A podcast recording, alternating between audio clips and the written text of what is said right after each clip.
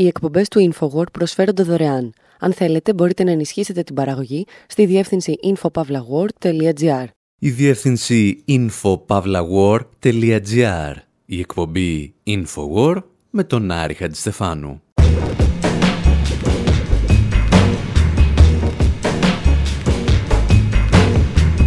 όπου σήμερα λέμε μερικές βαριές κουβέντες για την φιλανθρωπία και τους φιλάνθρωπους. Σκέψεις που μας περνάνε από το μυαλό κάθε φορά που ακούμε για μια ευγενική χορηγία προς τους συνανθρώπους μας. Υποπτευόμαστε ότι ακόμη και οι καλύτερες προθέσεις μπορεί να έχουν καταστροφικά αποτελέσματα. Σκεφτόμαστε αν κάποιοι το παίζουν φιλάνθρωποι μοιράζοντας τα δικά μας χρήματα και αν θα έπρεπε να έχουμε και εμείς λόγο για το ποιος θα πάρει τι. Θυμόμαστε παλιά ανέκδοτα για το μέγαρο μουσικής της Νέας Υόρκης και έναν άνθρωπο που θυμήθηκε να γίνει φιλάνθρωπος όταν ήταν πλέον πολύ αργά.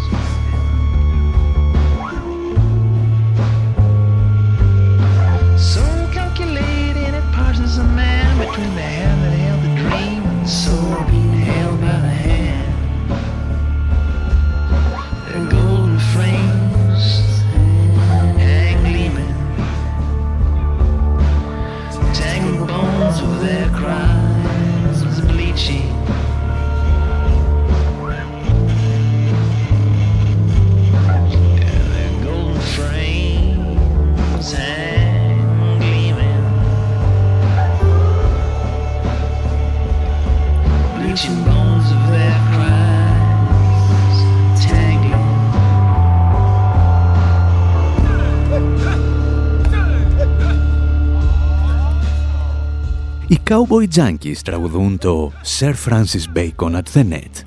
Συγκεκριμένα τραγουδούν για το ημιτελές μυθιστόρημα του Bacon Νέα Ατλαντίδα. Οι ήρωες στη Νέα Ατλαντίδα του Bacon μελετούν τους νόμους της φύσης. Στόχος τους να ανακαλύψουν την ουσία των πραγμάτων με την οποία ο άνθρωπος θα θερήσει άφθονους καρπούς. Παράλληλα όμως διακρίνονται για την γενεοδορία τους, την αξιοπρέπειά τους και την συμπόνια για τον συνάνθρωπο. Και κάπου ανάμεσα στις ημιτελείς ιστορίες του Μπέικον λέγεται ότι δημιουργήθηκε η αντίληψη για τη φιλανθρωπία όπως τη γνωρίζουμε σήμερα. Γιατί προφανώς ο όρος είναι πολύ παλαιότερος. Τον συναντάμε στον Αριστοτέλη και κυρίως στον Πλούταρχο. Παρεπιπτόντος στη σημερινή Ελλάδα της Google είναι λίγο δύσκολο να γνωρίζουμε τι έλεγε ο Πλούταρχος, γιατί αν πληκτρολογήσουμε τις λέξεις Πλούταρχος και φιλανθρωπία, οι πρώτες σελίδες των αποτελεσμάτων ασχολούνται κυρίως με το φιλανθρωπικό έργο του τραγουδιστή Γιάννη Πλούταρχου.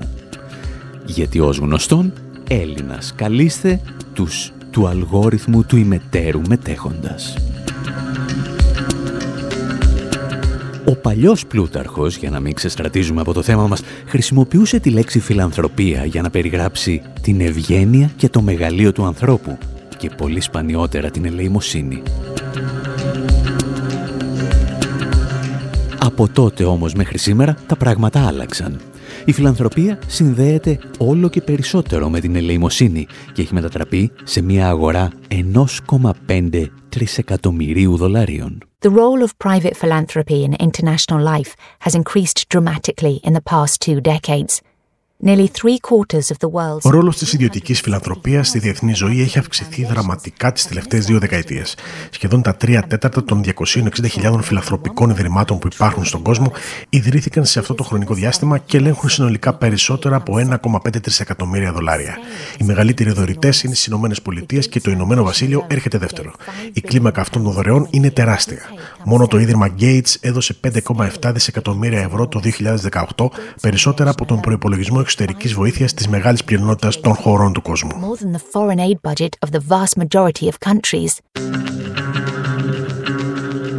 Το απόσπασμα που ακούσατε προέρχεται από τα περίφημα Long Reads του Guardian και συντάκτης είναι ο συγγραφέας και ερευνητής Paul Vallelay. Τα κεφάλαια που διακινούν λοιπόν σε διεθνές επίπεδο ιδιώτες φιλάνθρωποι ξεπερνούν τα ποσά που διαχειρίζονται ορισμένες από τις ισχυρότερες χώρες του κόσμου για την εξωτερική βοήθεια που προσφέρουν. Και εδώ προκύπτουν τρία ερωτήματα. Πώς απέκτησαν οι άνθρωποι αυτοί τον μυθικό τους πλούτο, αν ορισμένα από αυτά τα χρήματα είναι δικά μας και κυρίως πόση εμπιστοσύνη τους έχουμε να τα διαχειρίζονται; Ακόμη και αν προσφέρουν στο κοινωνικό σύνολο.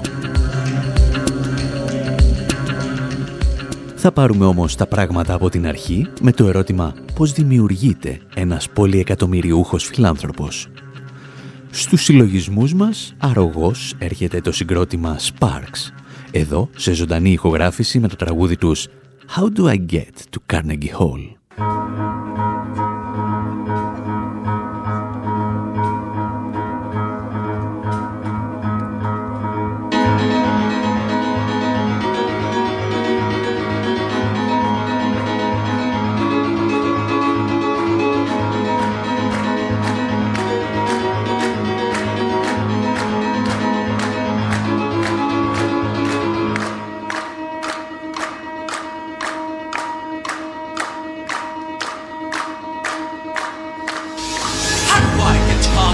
har. Practice man, practice. to Carnegie Hall. Practice man, practice. To get yourself to Carnegie Hall. Practice man, practice. to Carnegie Hall. Carnegie Hall, Carnegie Hall. Tell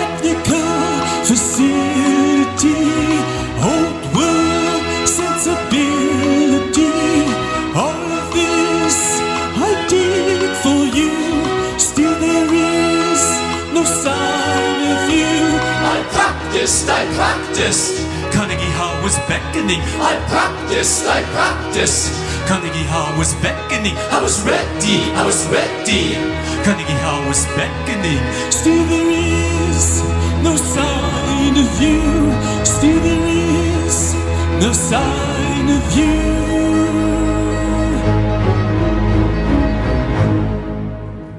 Οι στίχοι του τραγουδιού μας μεταφέρουν ίσως το διασημότερο σύντομο ανέκδοτο που γνωρίζει κάθε νέο Ιορκέζος.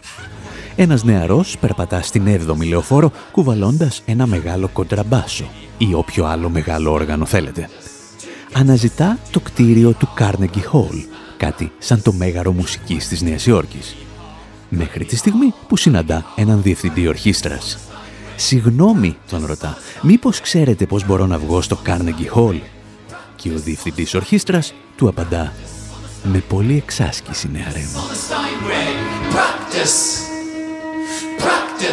Αν σας θυμίζει κάτι αυτό το ανέκδοτο, είναι γιατί υπάρχει και η ελαφρώς σεξιστική αθηνέζικη εκδοχή του, όπου κάποιος ρωτά έναν ταξιτζή «Συγγνώμη, μήπως ξέρετε πώς μπορώ να βγω στη Συγκρού» και ο ταξιτζής του απαντά «Με μια κοντή φούστα».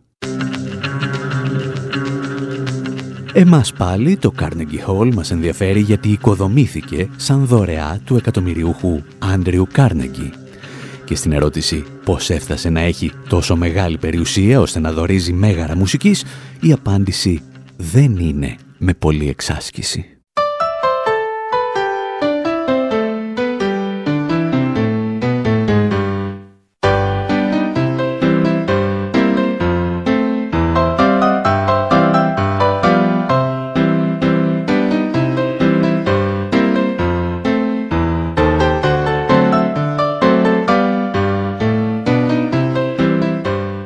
Ο Σκοτ Τζόπλιν, τον οποίο ακούμε εδώ, έζησε περίπου την ίδια περίοδο με τον Κάρνεγκι, στο δεύτερο μισό του 19ου αιώνα. Η βασική διαφορά τους ήταν ότι ο Τζόπλιν ήταν παιδί πρώην σκλάβων και ξεκίνησε τη ζωή του σαν εργάτης σε σιδηροδρόμους. Πιθανότατα μάλιστα, τα μέταλλα που κουβαλούσε ο Τζόπλιν προέρχονταν από τα εργοστάσια του Κάρνεγκι, ο οποίος είχε ολιγοπολιακό έλεγχο της βιομηχανίας μετάλλου στις Ηνωμένες Πολιτείες. Για να μην είμαστε άδικοι, θα πρέπει να πούμε ότι ο Κάρνεγκι ήταν αρκετά ενδιαφέρουσα περίπτωση ανθρώπου και θα ήταν άδικο να τον προσπεράσουμε σαν έναν ακόμη βιομήχανο. Μπορεί να ήταν φίλος όλων των Αμερικανών Προέδρων της εποχής του, αλλά έκανε καλή παρέα και με τον Μαρκ Τουέιν. Μισούσε τους βασιλιάδες και ήταν μεγάλος υποστηρικτής της δημοκρατίας. Κυρίως όμως ήταν αντιυμπεριαλιστής και το απέδειξε όταν η χώρα του εισέβαλε στις Φιλιππίνες ίσως στην πρώτη μεγάλη υπεριαλιστική επιχείρηση στην ιστορία των Ηνωμένων Πολιτειών της Αμερικής. Το τι συνέβαινε εκεί εξηγούσε παλαιότερα ο Χένρι Μπραντς, καθηγητής ιστορίας στο Πανεπιστήμιο του Τέξας. The United States made sure that Cuba got its independence, but not the Filipinos. Οι Ηνωμένες Πολιτείες εξασφάλισαν ανεξαρτησία για την Κούβα, αλλά όχι για τις Φιλιππίνες. Οι Φιλιππινέζοι είχαν ξεκινήσει τη δική τους επανάσταση απέναντι στους Ισπανούς, αλλά οι Ηνωμένες Πολιτείες ήρθαν να συνθλίψουν αυτή την επανάσταση. σω να σας θυμίζει κάτι αυτό, αλλά οι Φιλιππινέζοι δεν υποδέχτηκαν τα Αμερικανικά στρατεύματα σαν απελευθερωτές, αλλά σαν κατακτητές και ξεκίνησαν αντάρτικο εναντίον τους. Ω απάντηση, οι Αμερικανοί χρησιμοποίησαν σκληρές τεχνικές ανακρίσεων, όπως τη λεγόμενη προσωμείωση πνιγμού. Συγγνώμη, μπερδεύτηκα. Δεν την έλεγαν προσωμείωση πνιγμού μου την έλεγαν θεραπεία νερού.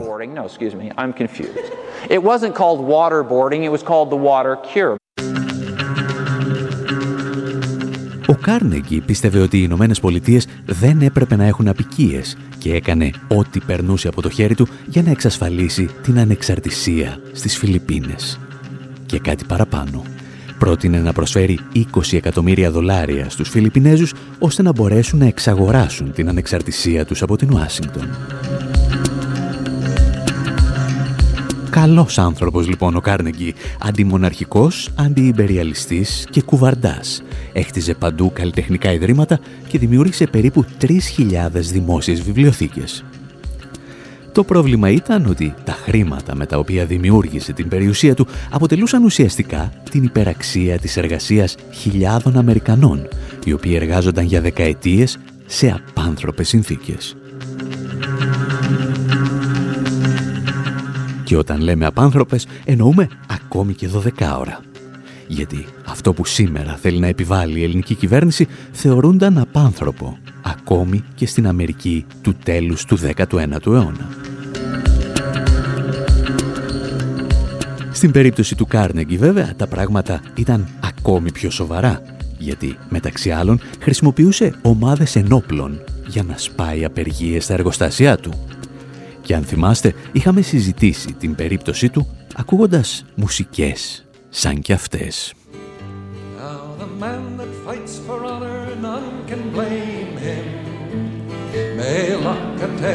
and son of will ever live to shame him, whilst liberty and honor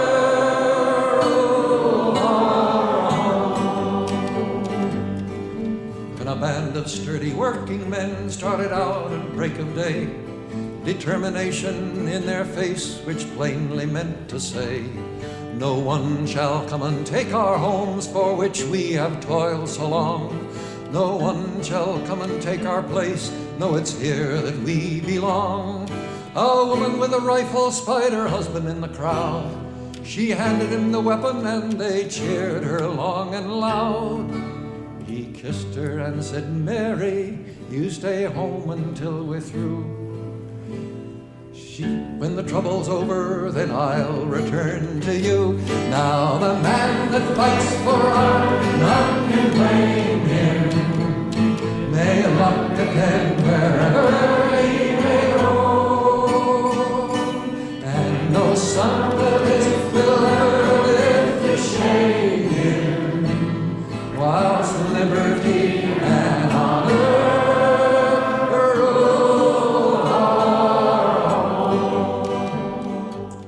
Πιτ Σίγκερ τραγουδά ένα από τα θρηλυκά κομμάτια για την απεργία του Homestead της Πενσιλβάνια στα 1982. Οι εργαζόμενοι σε εργοστάσια χαλιβουργίας είχαν κατέβει σε απεργία στα μαγαζιά του Κάρνεγκη και αυτός, σε συνεργασία με την κυβέρνηση, έστησε ένα τεράστιο απεργοσπαστικό μηχανισμό. Καθώς όμως η Ομοσπονδιακή Κυβέρνηση αδυνατούσε να ελέγξει την κατάσταση, τη δουλειά ανέλαβε η εταιρεία Pinkerton, η οποία κινούνταν ανάμεσα στα όρια του κράτους, του ιδιωτικού τομέα και του παρακράτους. Η εταιρεία έστειλε τουλάχιστον 300 ένοπλους πράκτορες, γεγονός που οδήγησε σε αιματηρές συγκρούσεις με τους απεργούς. Ο Κάρνεγκη λοιπόν, που έστελνε ομάδες ενόπλων να σκοτώνουν εργάτες στα εργοστάσια του, μετατράπηκε σε έναν από τους μεγαλύτερους φιλάνθρωπους στην ιστορία των Ηνωμένων Πολιτειών. Και εδώ υπήρχε ένα πρόβλημα, το οποίο επισημαίνουν οι δημιουργοί του μίνι ντοκιμαντέρ με τίτλο Against Philanthropy. Our society really admires it when rich people give away huge piles of surplus money towards the end of their lives. Η κοινωνία μας θαυμάζει τους πλούσιους που δορίζουν τεράστιους ορούς από πλεονάζοντα χρήματα προς το τέλος της ζωής τους. Ειδικά όταν χαρίζουν μεγάλα ποσά στις τέχνες. Τι καλοί καπιταλιστές που είναι. Πόσο ευγνώμονες θα πρέπει να είμαστε που βρίσκονται ανάμεσά μας.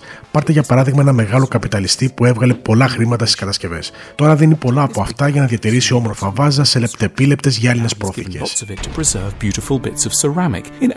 glass cases. This combination of a money making life and artistic philanthropy follows in the footsteps of great plutocrats like Andrew Carnegie, Henry Clay Frick. Αυτό το μοντέλο ακολούθησαν αρκετοί μεγάλοι πλουτοκράτες όπως ο Άντριου Κάρνεγκι, ο Henry Clay Frick ή ο Άντριου Μέλλον. Όλοι αυτοί έβγαλαν τα χρήματά τους στις λεγόμενες γαλέρες της οικονομίας όπως η βιομηχανία εξόριξη άνθρακα, η σιδηροδρόμη, τα σφαγεία και τα συσκευαστήρια. Πρόκειται για τμήματα της οικονομίας όπου συρρυκνώνεις το κόστος όσο περισσότερο μπορείς και γυρεύεις συνέχεια τρόπους να μειώσεις τις παροχές. Μόλις όμως τα χρήματα μπουν στην τράπεζα, αυτοί οι πλούσιοι στρέφουν ολόψυχα την προσοχή τους σε υψηλούς σκοπούς.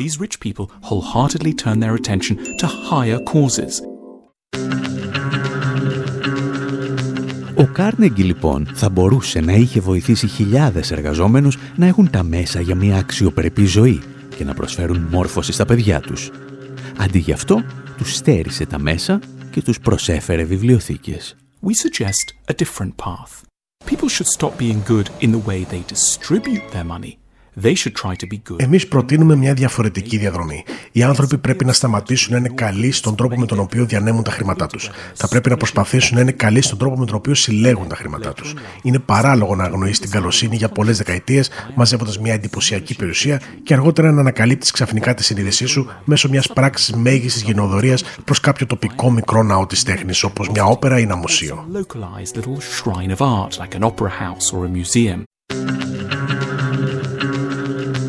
Υπό μία έννοια, και για να είμαστε ακριβείς υπό μία μαρξιστική έννοια, τα χρήματα που δόριζε ο Κάρνεγκι δεν ήταν δικά του. Ήταν η υπεραξία που είχε κλέψει από τους εργαζόμενούς του. Ακόμη όμως και αν δεν θέλουμε να μπούμε σε τέτοια βαθιά οικονομικά, πρέπει να γνωρίζουμε ότι τα χρήματα που κάποιοι προσφέρουν στην κοινωνία σαν φιλανθρωπία ανήκουν κυριολεκτικά σε όλους εμάς. Δεν αφαιρέθηκαν δηλαδή από την εργασία μας, αλλά απευθείας από την τσέπη μας. Θα τα δούμε στο δεύτερο μέρος της εκπομπής.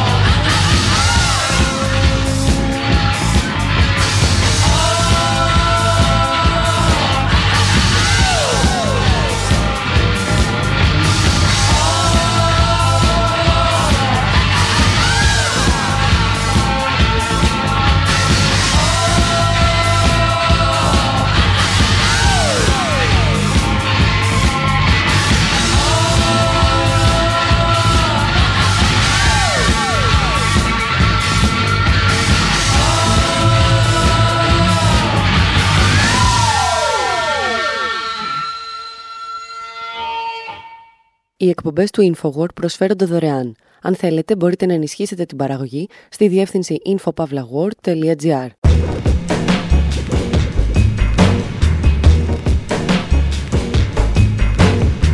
Εκπομπή InfoWord, μέρος δεύτερο.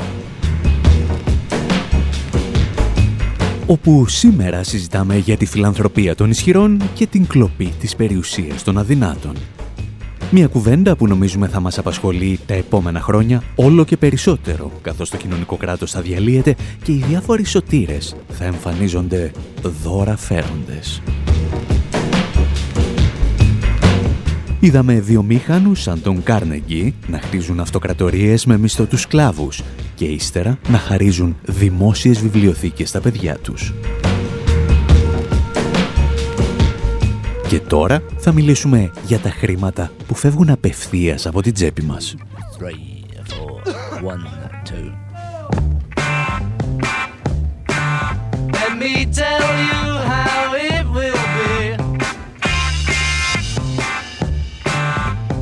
one for you, 19 for me. Cause I'm the tax man. Yeah,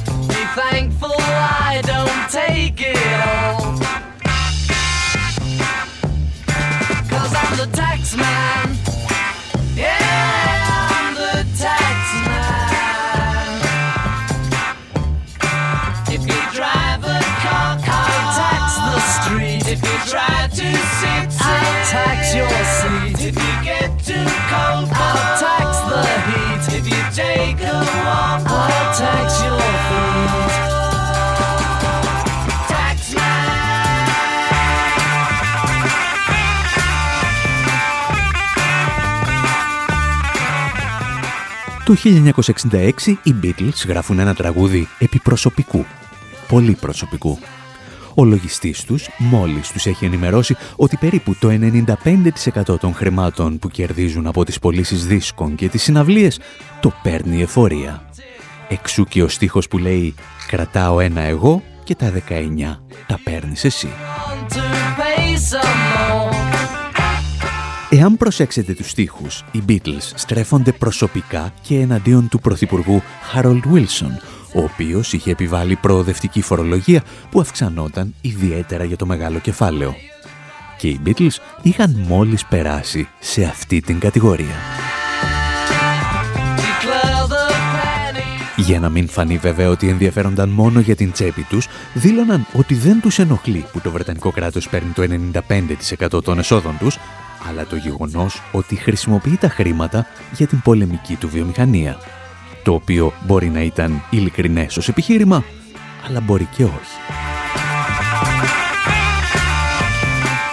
Το τραγούδι πάντως θέτει ένα πολύ σημαντικό ερώτημα. Πόσα χρήματα μπορεί και οφείλει να παίρνει το κράτος από το μεγάλο κεφάλαιο για τις ανάγκες του και ποιος αποφασίζει πώς θα διατεθούν αυτά τα χρήματα; Ιδιαίτερα σε ό,τι αφορά τη σημερινή εκπομπή, το ερώτημα είναι τι γίνεται όταν το ίδιο το κράτος προσφέρει φοροελαφρύνσεις στους εκατομμυριούχους οι οποίοι αποφασίζουν να προσφέρουν χρήματα σε φιλανθρωπικούς σκοπούς; Η εφημερίδα Guardian παρουσίασε πριν από μερικές εβδομάδες ένα παράδειγμα για να καταλάβουμε τι ακριβώς συμβαίνει εδώ. Στην Αγγλία έλεγε το κείμενο, αν βγάζεις έως 50.000 λίρες θα φορολογηθείς για το 20%. Αν βγάζεις έως 150.000 λίρες θα φορολογηθείς 40% και από εκεί και πάνω με 45%. Τι σημαίνει αυτό πρακτικά; Εάν ένας απλός πολίτης δώσει 100 λίρες για φιλανθρωπικούς σκοπούς, το 20% δεν το πληρώνει ο ίδιος, αλλά το κράτος. Είναι δηλαδή φόροι που θα έπρεπε να καταβάλει στο κράτος, αλλά του χαρίζονται. Εάν τώρα ένας εκατομμυριούχος δώσει 100 λίρες, το κράτος θα του έχει δώσει τις 45, σχεδόν τα μισά. Όταν λοιπόν ένας δισεκατομμυριούχος λέει ότι προσφέρει ένα εκατομμύριο, αυτός έχει βάλει περίπου τα μισά από την τσέπη του και τα άλλα μισά από τη δική μας τσέπη. Εδώ όμως, εξηγούσε ο Guardian, προκύπτει ένα πολύ μεγάλο ζήτημα. But what the rich are giving away in their philanthropy is not entirely their own money. Τα χρήματα που δορίζουν οι πλούσιοι στη φιλανθρωπία δεν είναι εντελώς δικά τους. Η έκπτωση φορολογίας σημαίνει ότι συνεισφέρουν και οι απλοί πολίτες στους σκοπούς που επιλέγουν τα πλούσια άτομα. Οι περισσότερες δυτικές κυβερνήσεις προσφέρουν γενναιόδωρα φορολογικά κίνητρα για να ενθαρρύνουν τις φιλανθρωπικές δωρεές. Συνεπώς, μεγάλο ποσοστό των δωρεών χρηματοδοτείται από τους φορολογούμενους. Αν όμως οι φορολογούμενοι προσφέρουν το τμήμα της δωρεάς, γιατί να μην έχουν λόγο στο ποιος φιλανθρωπικός σκοπός θα τη λάβει; Why should they not have a say in which charity receives it? Εάν το καλοσκεφτούμε, οι εκατομμυριούχοι φιλάνθρωποι ουσιαστικά ιδιωτικοποιούν ένα μέρος του κράτους πρόνοιας. Αν όπως είπαμε δορίζουν χρήματα που θα έπρεπε να πηγαίνουν στα κρατικά ταμεία, σημαίνει ότι αποφασίζουν αυτοί που θα πάνε τμήματα των χρημάτων που ανήκουν στο κράτος.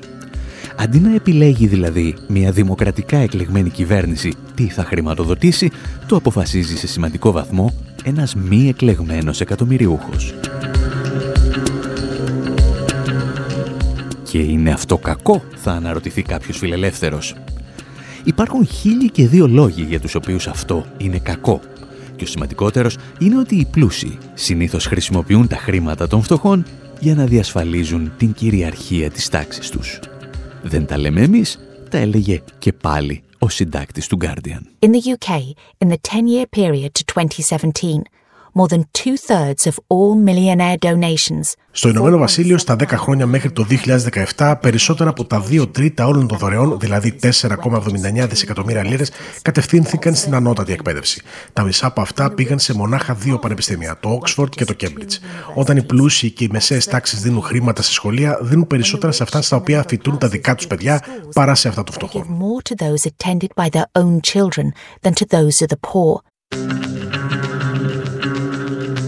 Στο συγκεκριμένο παράδειγμα λοιπόν, οι φιλάνθρωποι παίρνουν μέσω φοροαπαλλαγών χρήματα με τα οποία θα μπορούσαν να χτιστούν σχολεία για τους φτωχούς και τα δίνουν σε σχολεία για τους πλούσιους.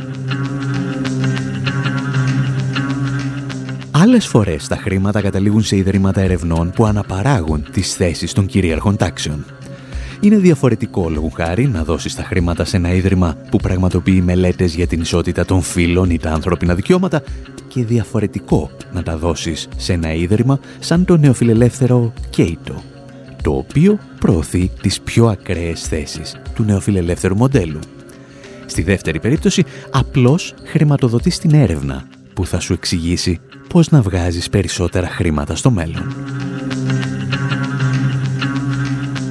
Υπάρχουν όμως και ακόμη πιο σκοτεινές φιλανθρωπίες, οι οποίες στρέφονται ανοιχτά εναντίον της δημοκρατίας. Some kinds of philanthropy may have become not just non-democratic, but anti-democratic. Charles Koch and his late brother David Κάποια είδη φιλανθρωπίας έχουν γίνει όχι απλά μη δημοκρατικά, αλλά αντιδημοκρατικά. Ο Τσάρλ Κοχ και ο κλειπών αδερφός του Ντέιβιτ είναι αναφίβολα το πιο περίφημο παράδειγμα δεξιάς φιλανθρωπίας. Ο Art Pope έχει χρησιμοποιήσει την περιουσία του για να πιέσει για την αυστηροποίηση του νόμου που αποτρέπει την απάτη σε εκλογέ. Αυτό του είδους η απάτη όμως είναι αμεληταία στις ΗΠΑ. Η κίνηση του Pope, που θα απαιτούσε από τους ψηφοφόρους να επιδεικνύουν άδεια οδήγησης για να έχουν πρόσβαση στις κάλπες, ουσιαστικά στερεί το δικαίωμα ψήφου από το 10% του εκλογικού σώματος. Γιατί οι άνθρωποι που δεν διαθέτουν άδεια οδήγησης είναι οι φτωχοί που δεν έχουν αυτοκίνητο.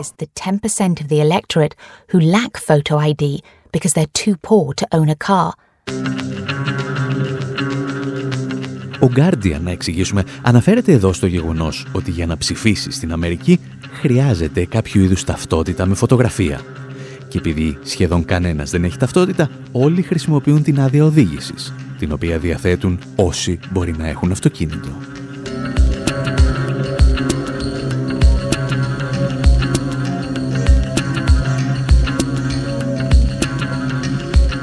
Αυτοί οι φιλάνθρωποι λοιπόν κάνουν προφανώς κακό στο κοινωνικό σύνολο. Τι γίνεται όμως με τους φιλάνθρωπους που αποδεδειγμένα σώζουν χιλιάδες ή εκατομμύρια ανθρώπινες ζωές με τις χορηγίες τους; Μπορείς να κατηγορήσεις κάποιον επειδή δόρισε ένα ασθενοφόρο σε ένα νοσοκομείο ή επειδή πλήρωσε για να εμβολιαστούν χιλιάδες παιδιά, τα οποία σε διαφορετική περίπτωση μπορεί και να πέθαιναν; Απαντήσεις ύστερα από αυτό. Men have all the money. Eight men have more than half of the money that everyone else in the world has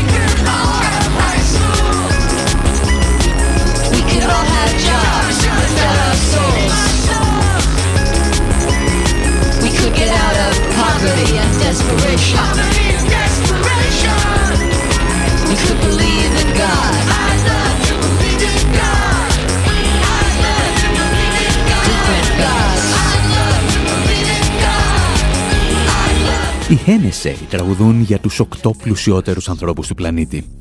Το τραγούδι βέβαια κυκλοφόρησε από όσο καταλαβαίνουμε στα τέλη του 2019 και έκτοτε η κατάταξη έχει αλλάξει αρκετές φορές. Αυτό που μας ενδιαφέρει όμως είναι ότι από την προηγούμενη εβδομάδα οι οκτώ πλουσιότεροι άνθρωποι κατέχουν αθρηστικά ένα τρισεκατομμύριο δολάρια. Ο πλουσιότερος από αυτούς, ο Τζεφ Μπέζος, είδε, λόγω της πανδημίας, στην προσωπική του περιουσία να προσεγγίζει το ΑΕΠ της Ελλάδας, δηλαδή τα 200 δισεκατομμύρια. But we could all have high school. Ναι, θα πει κάποιος, αλλά ορισμένοι από αυτούς τους δισεκατομμυριούχους είναι ωραίοι τύποι και μεγάλοι φιλάνθρωποι. Και πραγματικά δεν θα ήταν υπερβολή να πούμε ότι άνθρωποι όπως ο Bill Gates έχουν σώσει εκατοντάδες χιλιάδες ή ίσως και εκατομμύρια ανθρώπινες ζωές. The philanthropy of Bill and Melinda Gates has brought huge benefits for humankind. When the foundation made its first big grant for malaria research, it nearly doubled the amount of money spent on the disease. Η φιλανθρωπία του Bill και της Μελίνα Gates έχει προσφέρει τεράστια ωφέλη για την ανθρωπότητα. Όταν το Ίδρυμα έκανε την πρώτη του μεγάλη επιχορήγηση για την έρευνα κατά της ελληνοσία, σχεδόν διπλασίασε τη συνολική δαπάνη για την ασθένεια παγκοσμίως. Έκανε το ίδιο με την πολιομελίτιδα. Χάρη εν μέρη στο Gates, περίπου 2,5 δισεκατομμύρια παιδιά έχουν εμβολιαστεί κατά της νόσου και τα κρούσματα πολιομελίτιδας παγκοσμίως έχουν μειωθεί κατά 99,9%. Η πολιομελίτιδα έχει ουσιαστικά εξαλειφθεί. Η φιλανθρωπία διόρθωσε τις αποτυχίες της φαρμακευτικής βιομηχανίας και των κυβερνήσεων σε όλο τον κόσμο. Το Ίδρυμα Gates από το 2000 που ξεκίνησε έχει δωρήσει περισσότερα από 45 δισεκατομμύρια δολάρια και έχει σώσει εκατομμύρια ζωές. Since it began in 2000, has given away more than $45 billion and saved millions of lives. Εάν αναρωτιέστε γιατί παίξαμε αυτό το απόσπασμα, είναι γιατί όπως γνωρίζει κάθε αντιεμβολιαστής και ψεκασμένος σε αυτή τη χώρα, πληρωνόμαστε από τον Bill Gates, όπως επίσης και από τον George Soros και διάφορους Έλληνες εφοπλιστές. Ακόμη και εμείς, οι έμιστοι υπηρέτες όμως των μεγάλων αφεντικών, πρέπει να αναγνωρίσουμε ότι ακόμη και οι χορηγίες του Bill Gates έχουν ένα μικρό πρόβλημα. Σε ορισμένες χώρες, παραδείγματος χάρη, η πολυεμελίτιδα με την οποία ασχολούνταν ο Bill Gates δεν ήταν η πρώτη προτεραιότητα. Εάν δηλαδή τα χρήματα είχαν δοθεί για την αντιμετώπιση άλλων ασθενειών, πιθανότατα θα είχαν σωθεί πολύ περισσότερες ζωές. Την απόφαση θα έπρεπε ίσως να την έχει λάβει κάποια οργάνωση του ΟΗΕ σε συνεργασία με την τοπική κοινωνία και όχι ένα κοινοφελές ίδρυμα στην άλλη άκρη του κόσμου. Όσο καλές προθέσεις και αν είχε. Η ανθρωπότητα επίσης θα είχε βοηθηθεί πολύ περισσότερο εάν η Microsoft πλήρωνε τους φόρους που της αναλογούν σε κάθε χώρα του πλανήτη. Γιατί μόνο στην Αγγλία η Microsoft απέφυγε να πληρώσει περίπου 4 δισεκατομμύρια ευρώ στο διάστημα 2009 με 2011. Και κάπου εκεί ο ιστορικός Ράτκερ Μπρέγμαν εκνευρίστηκε. Και έτσι, όταν τον κάλεσαν πριν από μερικά χρόνια στον Ταβός να τους πει τη γνώμη του για την φιλανθρωπία, τους πήρε ο διάολος. Ten years ago, the World Economic Forum asked the question, what must industry do to prevent a broad social backlash? The answer is very simple. Just stop talking about philanthropy. Πριν από 10 χρόνια, το Παγκόσμιο Οικονομικό Φόρουμ έδεσε το ερώτημα τι πρέπει να κάνει η βιομηχανία για να αποτρέψει μια ευρεία κοινωνική αντίδραση. Η απάντηση είναι απλή. Σταματήστε να μιλάτε για φιλανθρωπία και αρχίστε να μιλάτε για φόρους. Μόλις πριν δύο μέρες ήρθε εδώ ο δισεκατομμύριχο Μάικλ Ντέλ και ρώτησε: Πείτε μου μια χώρα όπου ο φορολογικός συντελεστής της τάξης του 70% για τα ανώτερα εισοδήματα έχει λειτουργήσει. Εγώ ξέρετε είμαι ιστορικός και είχα έτοιμη την απάντηση. Στις Ηνωμένες Πολιτείες. Εκεί έχει όντως δουλέψει. Τη δεκαετία του 1950, κατά την διακυβέρνηση του Ρεπουμπλικανού Αντσεχάουερ, ο φορολογικός συντελεστής στι ΗΠΑ ήταν 91% για εκατομμυριούχου, όπως ο Μάικλ Ντέλ. Δεν είναι πυρηνική φυσική. Μπορούμε να μιλάμε για ώρες για όλα αυτά τα ηλίθια σχέδια φιλοθροπία. Μπορούμε να προσκαλέσουμε για άλλη μια φορά τον πόνο των YouTube, αλλά καλύτερα να σοβαρευτούμε. Πρέπει να μιλήσουμε για φόρους. Η λύση είναι οι φόροι. Φόροι, φόροι. Όλα τα υπόλοιπα είναι μαλακίες, κατά τη γνώμη μου. That's it. Taxes, taxes, taxes. All the rest is bullshit, in my opinion. Thank you.